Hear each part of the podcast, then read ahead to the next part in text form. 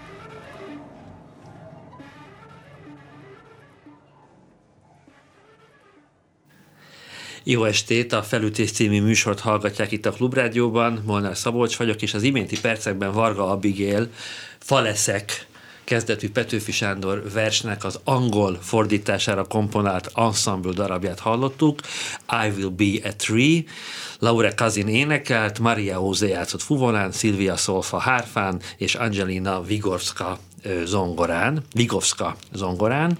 A mai beszélgető társam Varga Abigail és Szászi Petra, ugyanis most szombaton és vasárnap egy nagyon izgalmas projektre kerül sor. A Közép-Európai Egyetemen a Nádor utca 9-ben május 7-én este 8 órakor és május 8-án délután 5 órakor saját szoba címmel egy színház koncertre kerül sor, művészeti vezető Rozmár Lajos, tehát ebből ki lehet találni, hogy lényegében akkor ez a Metrum Ensemble-nek a, a projektje lesz.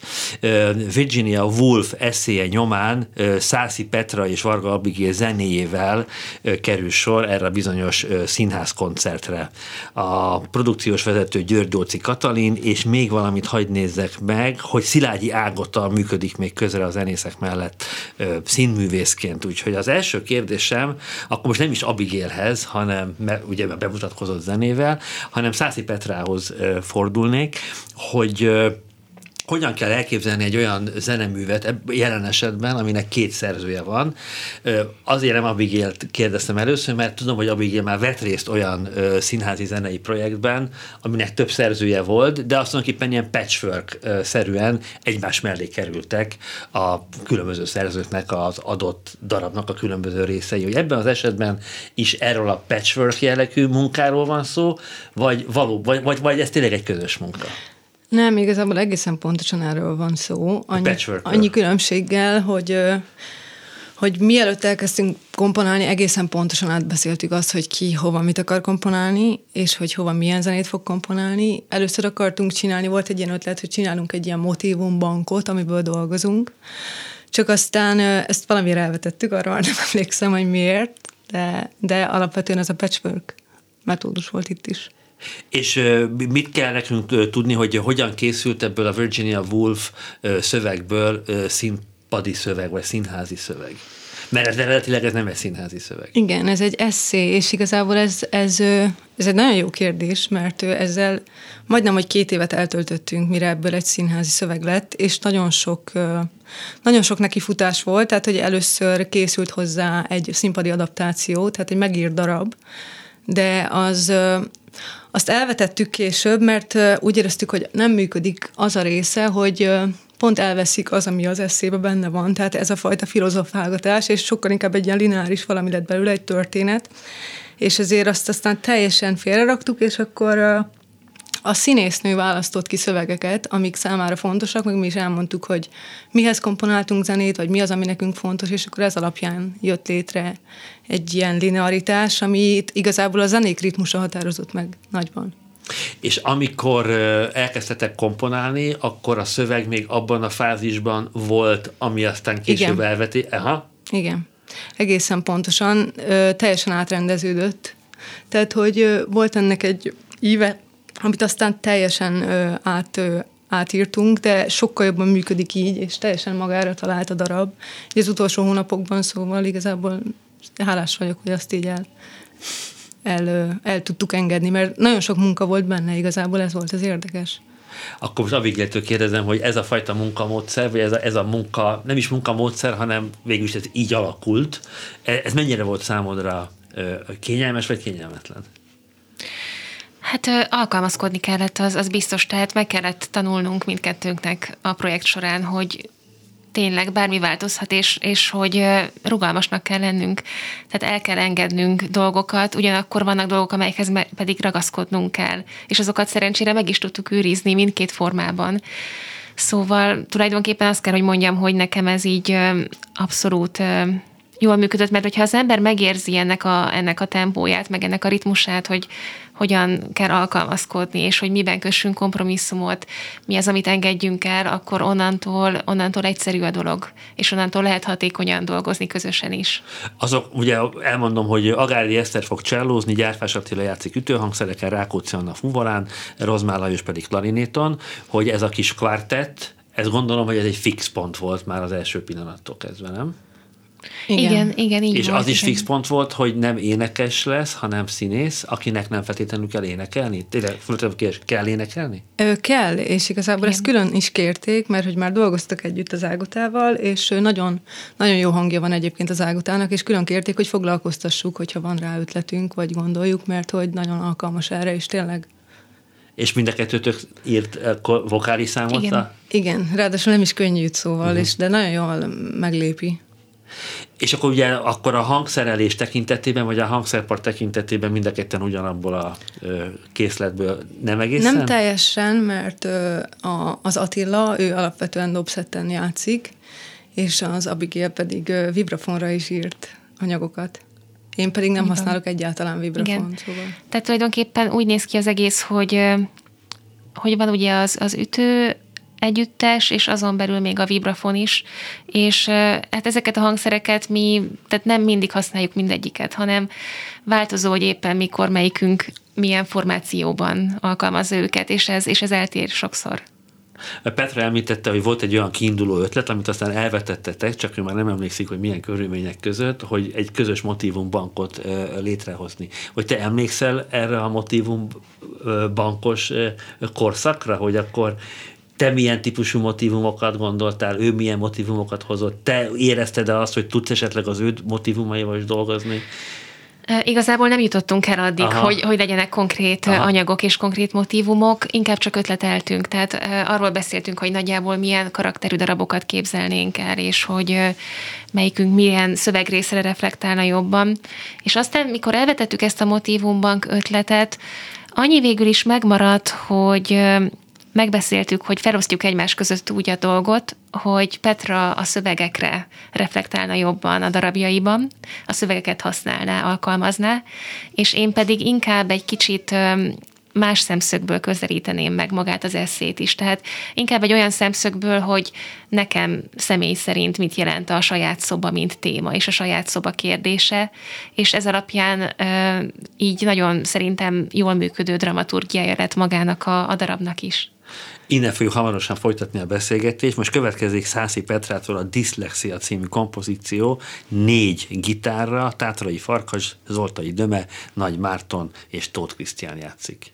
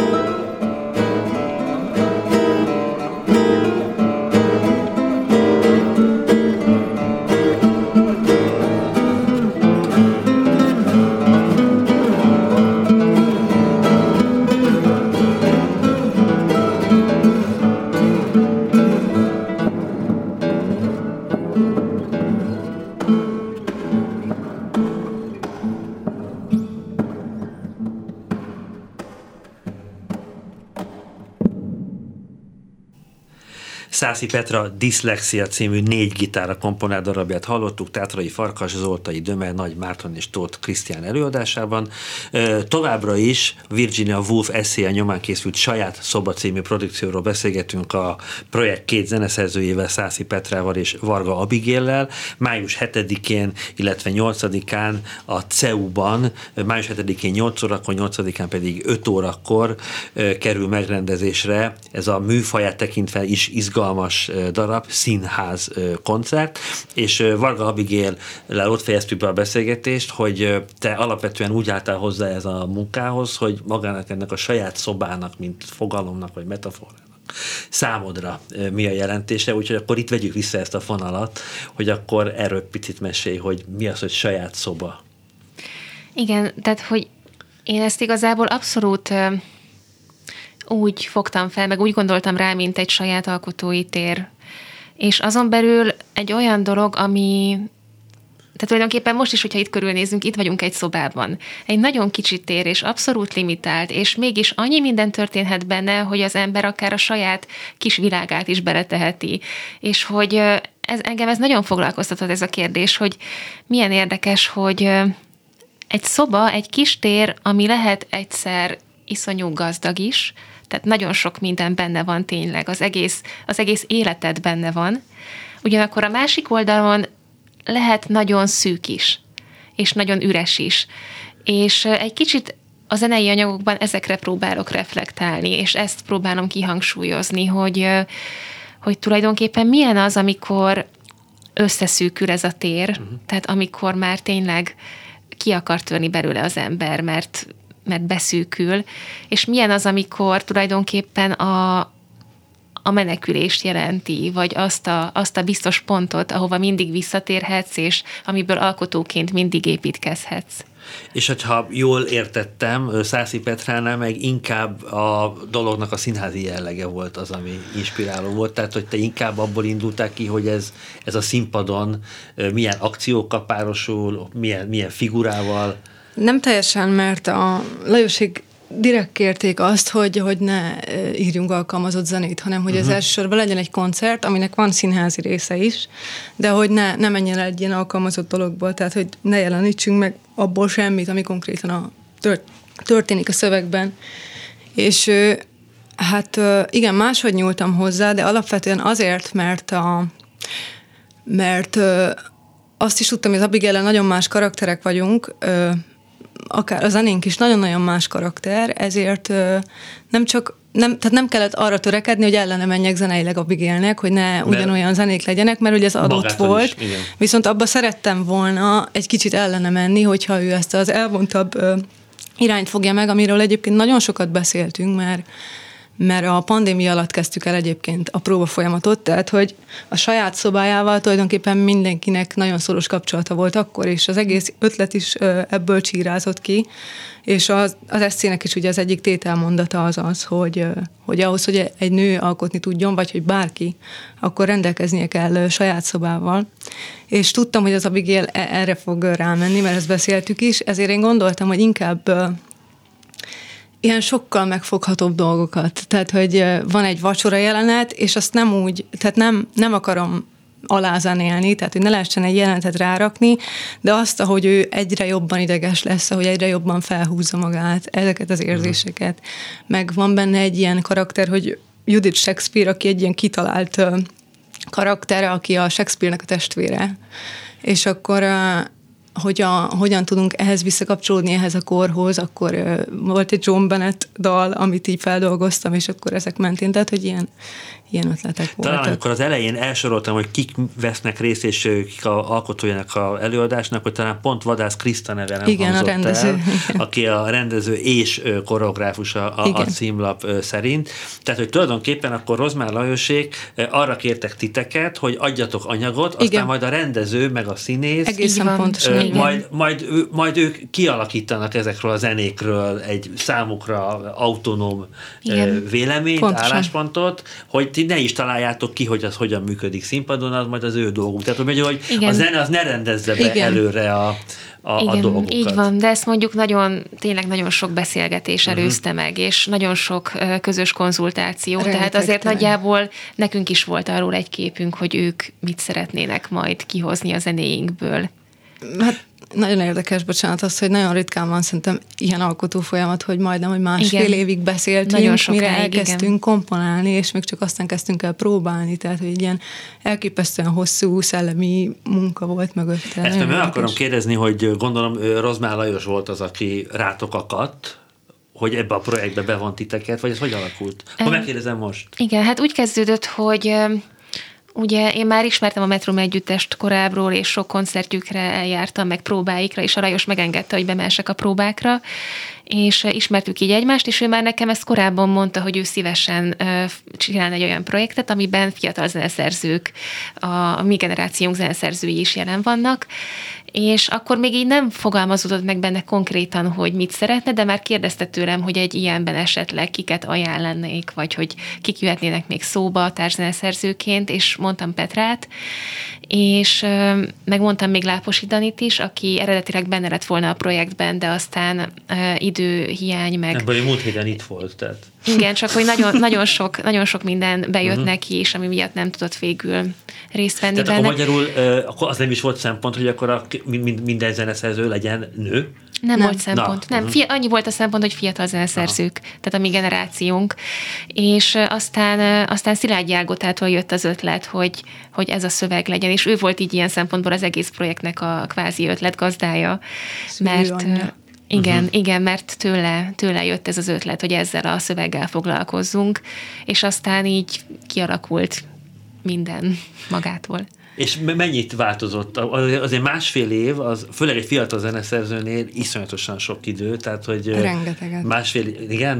Tehát Igen. Rengeteget. Rengeteget igazából. változott, és nagyon sok úton elindultunk, ami aztán végül nem Nagyon érdekes helyzet volt az, hogy, hogy egy, egy koncerten és egy színházban is általában megvan a pontos hierarchia, tehát hogy Igen. egy koncerten a zeneszerző az, aki megmondja, hogy ez így lesz, egy, egy színházban pedig a rendező. Így van. Mivel ez egy színházkoncert, ez nem volt letisztázva tulajdonképpen, hogy akkor ki mondja az áment a dolgokra, és ez, Igen. ez azért nagyon sok kérdést felvetett, tehát hogy Így valószínűleg ezért is haladtunk ilyen lassan, mert de nem, nem voltak ilyen viták, tehát nem ez, hanem az, hogy ki, ki dönti el, hogy akkor mi lesz. Meg hát Sem. igen, meg ugye az, ami egyrésztről jó is, de valamilyen szempontból hátrány is, hogy mindenkit iszonyúan foglalkoztatott ez a téma, és mindenkinek nagyon jó ötletei voltak. Uh-huh. És nyilván, mikor Tehát sok... túlságosan lelkes volt. Igen, igen, és sok, sok, ötlet, sok jó ötlet találkozott, és akkor most melyik élvezen elsőbséget? Tehát ez egy állandó kérdés volt, és állandó, hát mondhatjuk, hogy vitafaktor is, jó értelemben, de, de aztán végül csak kialakult egy közös, közös hát, nézőpont. Meg az, hogy ez a, azért nem egy mai szöveg, tehát hogy ö, lehet a mában is olvasni, de ez nem egy mai szöveg, és hogy mennyire mondjuk el azt a szöveget, tehát mennyire a Virginia uh-huh. Woolfot adjuk át, vagy mennyire adjuk át azt, hogy ez ma hogyan. Tehát, hogy mit jelent, túlságosan igen. ilyen századfordulós, túlságosan egy angol Nem. középosztálybeli nőnek a... A, a női kérdésben nagyon más, nagyon megváltozott azóta a világ, Mhm. uh-huh. meg az, hogy a világ a nőkhöz áll. Uh-huh. És egészen más helyzetben volt a Virginia Woolf, Ja, mások a mint harcok. alkotó, és egészen más helyzetben vagyok én. Uh-huh. Igen. És hogy ebből mit hagyjunk ki, mit tartsunk meg, mert a szöveghez hülyek akartunk maradni, de közben mégis azt akartuk, hogy ez ma megállja a helyét, a mondani valunk. Hamarosan folytatjuk a beszélgetést Szászi Petrával és Varga Abigéle. Most következik Varga Abigéltől egy zongoramű, kokleár struktúrák, vagy ez, ez, azok a hallószervű struktúrák, ugye ez azt jelenti, Szőcs Henrik adja elő zongorán. Thank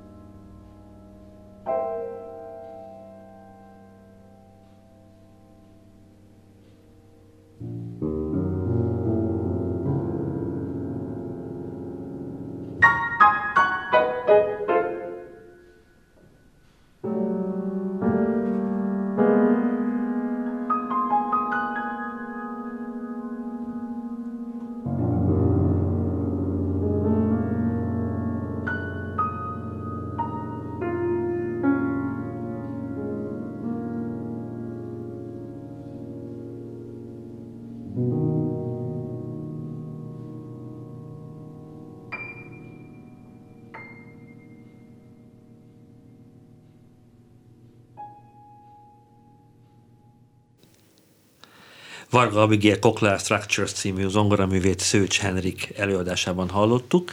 Továbbra is Szászi Petrával és Varga Abigéllel beszélgettünk egy hétvégi eseményről.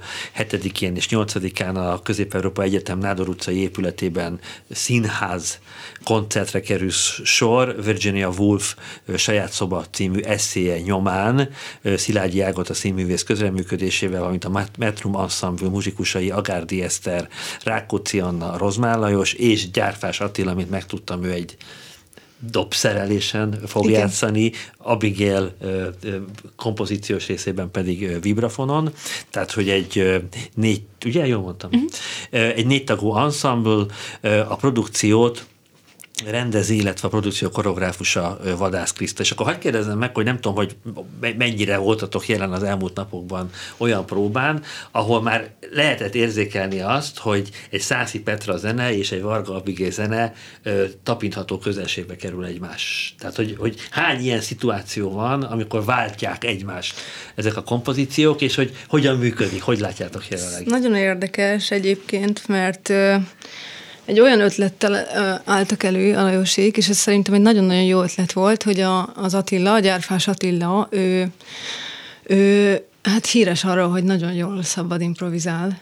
És ezért az van tulajdonképpen, hogy a, a fix zenei blokkok között van egy szabad improvizáció mindig.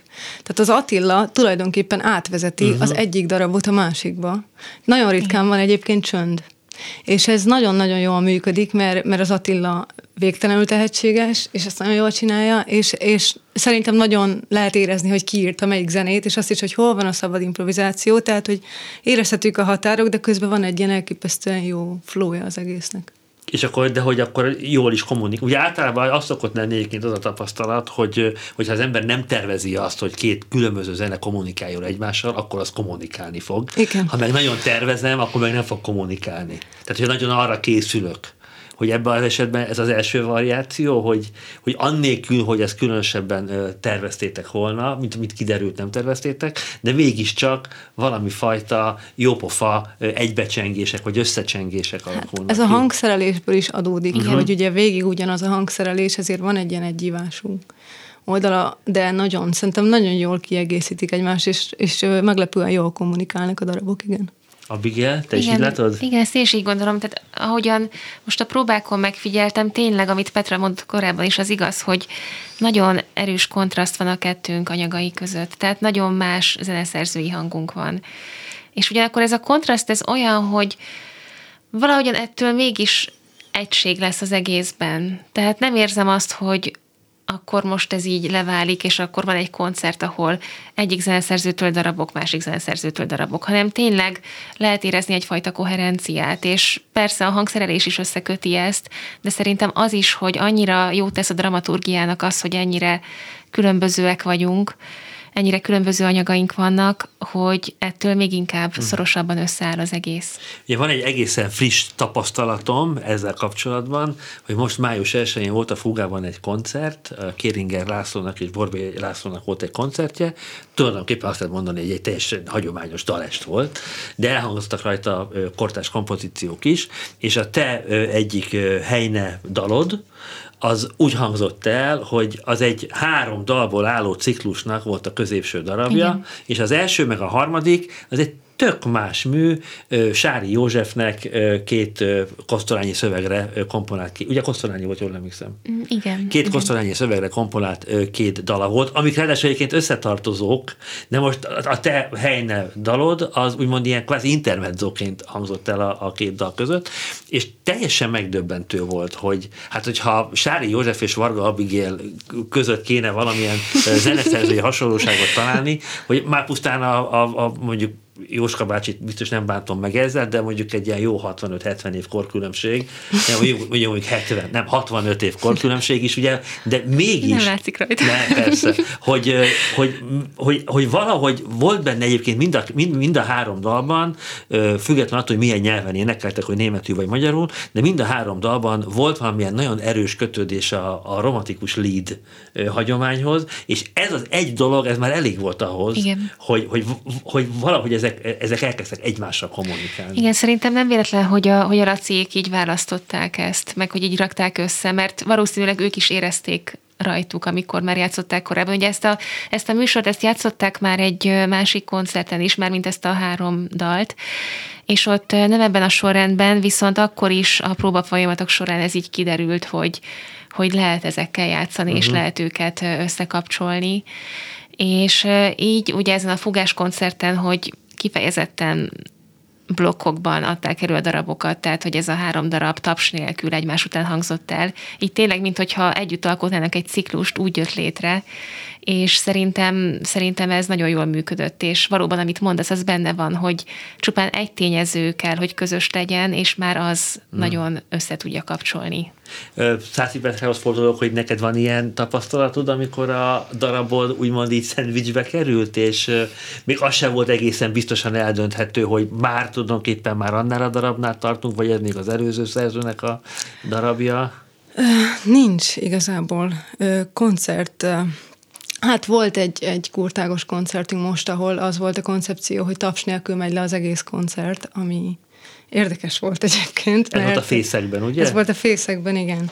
És ugye kurták kompozíciók is kerültek be a játékokból, de közben voltak zongoradarabok is, amik ugye arra reflektáltak, és akkor ilyen egészen félelmetesen elmosódott a határ, de én arra direkt egy olyan darabot komponáltam, amiről pontosan akik ismernek, azok tudják, hogy ezt én írtam, és az nagyon levált szerencsére, de nekem ilyen szempontból szerencsém volt, de azért ott voltak ilyen Aha. teljesen összemosott akkor te, akkor te tulajdonképpen, ha azt mondod, hogy ez szerencse volt, akkor azért te szereted, hogyha megőrzi az individuális karakterét egy Szászi Petra kompozíció.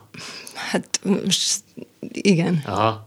Jó, hát ez, ez, ez, ez abszolút valid, hát hogy az, azért csináljátok, nem, hogy, hogy az individuális karaktere meglegyen a dolognak, csak ugye amikor elkezd úgymond leválni a szerzőről, amikor önálló életet él, mert mondjuk egy előadó művész úgy dönt, hogy, és hogy ebben a, ebben a másfajta életben is életképes, az egy, az egy jó érzés végül is. Hogy, Igen, ugye Tornai Péter mondta, hogy, hogy ő azt szereti, hogyha, hogyha egy, egy, egy darabjának az elhangzása után olyasmiket mondanak reflexióként, amire ő nem gondolt. Igen, hogy az, egy, az, egy, az, az az igazán jó visszajelzés. Hogy... Igen, meg ez egyébként nagyon érdekes megfigyelni, hogy mondjuk van egy olyan program, amiben összeteszik a darabodat egy korábbi generációból származó szerző darabjával, és mondjuk nem annyira érezni a határokat, tehát jobban összekapcsolódnak, vagy hogyha mondjuk egy korosztályot berivel teszed össze, és ott pedig abszolút különböző a kettő, és nekem ezt nagyon izgalmas látni egyébként, hogy, hogy tényleg tehát egy, egy generációból valóak vagyunk, és,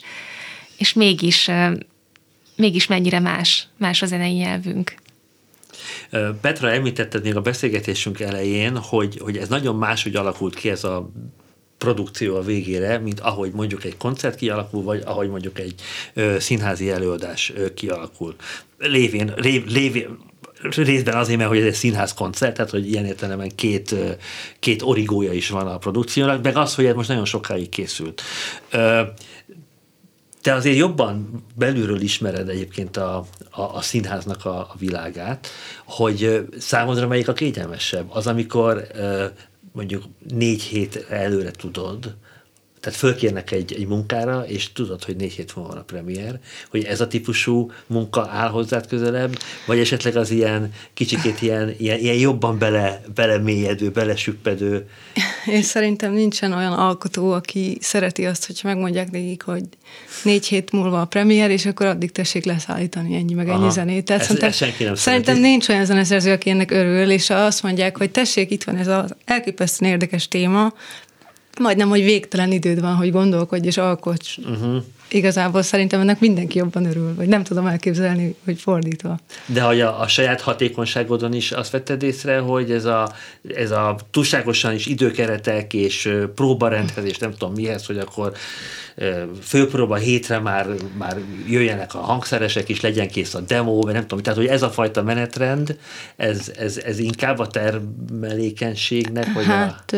én jobban ismerem azt a fajta munkamódszert, amikor határidő van, és megmondják, és, és tehát nyilvánvalóan azt, azt jól ismerem, és abba szoktam dolgozni, de és ebben nem is voltam annyira effektív, de ez elképesztően kényelmes és jó érzés uh-huh. volt.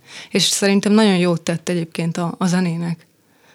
Tehát, hogy nagyon, na, egészen más dolgok jöttek uh-huh. ki belőlem, mint egy alkalmazott zenei helyzetben. Én nagyon remélem, hogy Rozmár Lajos most meghallgatja ezt a műsort, vagy utólag vissza fogja hallgatni, mert azt szerintem ez egy jó visszaigazolás, mert ő szerintem most éppen azon dolgozik, hogy, hogy más típusú Igen. előadóművészi helyzeteket és más típusú alkotóművészi helyzeteket hozzon létre, generáljon, mert minthogyha ezek a hagyományos bejáratott akár száz, akár 200 éve bejáratott csatornák, mint hogyha kezdenének picit bedugulni. Tehát ez az érzésem, hogy a, hogy a Metrum Ensemble-nek a, a jelenlegi működése, mint hogyha erre irányulna, hogy, hogy nem, nem ezeket a csatornákat kidugítani, mert az is egy módszer, hanem hogy új csatornákat így találni. Van. Igen, és ezt jelezték is előre egyébként. Igen? Aha, tehát, hogy Igen. így indult a folyamat, hogy ők szeretnének csinálni valami egészen más, uh-huh hogy alkotó csoport legyen, de úgy mindenki megcsinálja a saját részét azon belül nyilvánvalóan, tehát nem mindent közösen csinálunk, de hogy ez, hogy a színház és hogy a, a zene az egy szinten van, ez nagyon más metódust fog létrehozni. Nagyon nehéz volt egyébként megtalálni, hogy hogyan, de, de hogy a végén sikerült, és szerintem. Igen, én is így gondolom, hogy sikerült, és hogy egyébként nekem is még visszatérve erre az idő kérdésre, hogy nekem is ebben a folyamatban nagyon sokat számított ez, hogy, hogy van időnk, és hogy tényleg tulajdonképpen bármikor tudunk közösen beszélni, és megoszthatjuk egymással, hogy mi az elképzelésünk erről az egészről, és szerintem szerintem produktívabb volt, mint hogyha tényleg azt mondják nekünk, hogy akkor egy hónap múlva tegyétek le az anyagokat, és, és kész. Hát persze, meg ha nem mi választjuk ki a szöveget, hanem azt mondják, hogy Igen. tessék itt ez a szöveg, akkor erre tessék valamit. Igen, most. szóval hát nagy, nagy, szabadság, nagy szabadságunk volt, és nyilván a nagy szabadságnak van előnye, hátránya is, de az előnyéből szerintem nagyon sokat profitáltunk mindketten. Igen. Ugye, Abigéről szerintem érdemes elmondani a hallgatóknak, hogy Abigél a Zenakadémián először az alkalmazott zeneszerzés szakon kezdett el tanulni, és menet közben váltott. Azt hiszem, most ezt klasszikus zeneszerzőnek hívják, tehát ezt a hagyományos. Hagyomány, tehát, hogy a, tehát menet közben váltottál. Ugyanakkor ilyen nagyon érdekes, most, most függetlenül attól, hogy ez most egy ilyen színházi ö, produkció, hogy a, a te pályádon érdekes módon a koncertzene hozta be a performativitást, a, a színházi gondolkodást a zenébe. Tehát, hogy valahogy visszataláltál a színpadra, de nem a színház világából, hanem a, fogalmazunk így, hogy a hagyományos koncerttermi daraboknak keresed a, a, akár a színházi, akár pedig tényleg ez a performatív jellegét, hogy ez nagyjából egy olyan két éve kezdődött el nálad, hogy ez, ez is elkezdett foglalkozni a... Tehát tulajdonképpen a, a, tulajdonképpen a hangszeres színház, mint, mint műfaj Igen. elkezdett téged foglalkoztatni, hogy, hogy mi az, ami így megragadott ebben téged? Hát ugye nagyon sok ilyet láttam, tehát amikor ugye én voltam kint egy évet Erasmusszal külföldön, és amikor kimentem, akkor azt láttam, hogy ott igazából, tehát Németországban annyira nem választják ezt szét, tehát uh-huh. nincs megmondva, hogy akkor csak színházi zene és csak koncertzene, hanem, hanem összeérnek jobban ezek a határok. És már ez eleve egy olyan, olyan impulzus volt számomra, hogy nagyon elkezdett foglalkoztatni, hogy tényleg mit lehet ebből, ebből kihozni.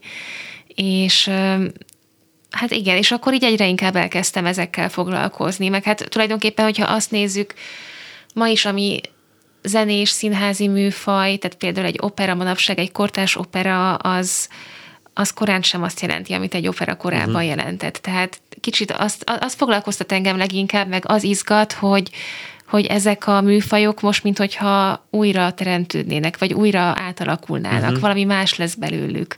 És lehet, hogy mondjuk olyan nevet adunk nekik, amelyek egy korábbi műfaj nevének megfeleltek, de teljesen mások most már hogy hamarosan utazol vissza Münchenbe, majd a hétvégi előadások után, és ott jelenleg láttam a Facebookon, hogy éppen egy, egy rövid operán dolgozol már zenészekkel, hogy mi az, hogy rövid opera, és ez, miről szól ez a rövid opera, amin most éppen dolgozol? Igen, és, és ez mennyiben opera? Ez egy kicsit hasonló, mint az a, az a patchwork, amelyben korábban részt vettem, annyiban más, hogy az, amiről ugye beszéltél korábban, ott egy történet volt, és azon belül több zeneszerző között fel volt osztva. Itt most úgy dolgozunk, hogy a, a fő ötlet az volt, hogy legyen egy közös munka szövegírókkal. Tehát van a, a Müncheni Egyetemen egy olyan szak, hogy Theater Wissenschaft, ami ugye, ha lefordítjuk, ez színház tudomány, és a színház, színháztudomány szakos hallgatóknak kellett szövegeket írni, librettókat, és nekünk 8-9 zeneszerzőnek azokat fel kellett dolgozni egy ilyen maximum 15 perces rövid operaként. És mindegyik szöveg olyan, hogy valamilyen tehát napjainkban is aktuális témát vagy kérdést dolgoz fel egy történet keretein belül. És hát most ugye ezen, ezen dolgozunk, és tulajdonképpen ez, ez a lényege szerintem, igen, hogy, hogy egy nagyon tömör összefoglalása valaminek, ami egyébként egy globális kérdés. És mindez 15 percben, ugye? Tehát, hogy az, attól rövid opera, hogy ez ne haladja meg a 15 perces időtartamot. Igen. igen. És akkor tulajdonképpen adódik a kérdés Petrához, hogy, hogy, hogy hogy számodra pedig nem a, mennyire érdekes az, hogy a, a, a színház világából a, a koncert világába kilépni? Ö, hát ez izgalmas, mert én, én amikor felvételiztem a zeneakadémiára, akkor tulajdonképpen egyikben sem volt tapasztalatom. Uh-huh. Tehát nem az volt a helyzet, hogy jártas voltam a színház világában, Aha. és akkor onnan kellett kilépni, hanem ez, ez nálam teljesen úgy kezdődött el, hogy elkezdtem koncertdarabokat írni, és elkezdtem színházban és filmekben dolgozni, és ez ilyen nagyon szépen egymás mellett Aha. haladt egész végig, tehát nem gondolnám, hogy, vagy ez az alkalmazott zeneszerző szó szerintem annyira ma, egyszerűen nem, nem él, mert tényleg a zeneszerzőknek szerintem tudni kell mind a kettőt, vagy mindent csinálni. Vagy mindenhez kell érteni, ha igazából ö, szerintem jelen akarnak lenni, és uh, szóval nem, soha nem kellett kilépni, tehát ez folyamatosan lineárisan haladt egymás mellett, és most is így van.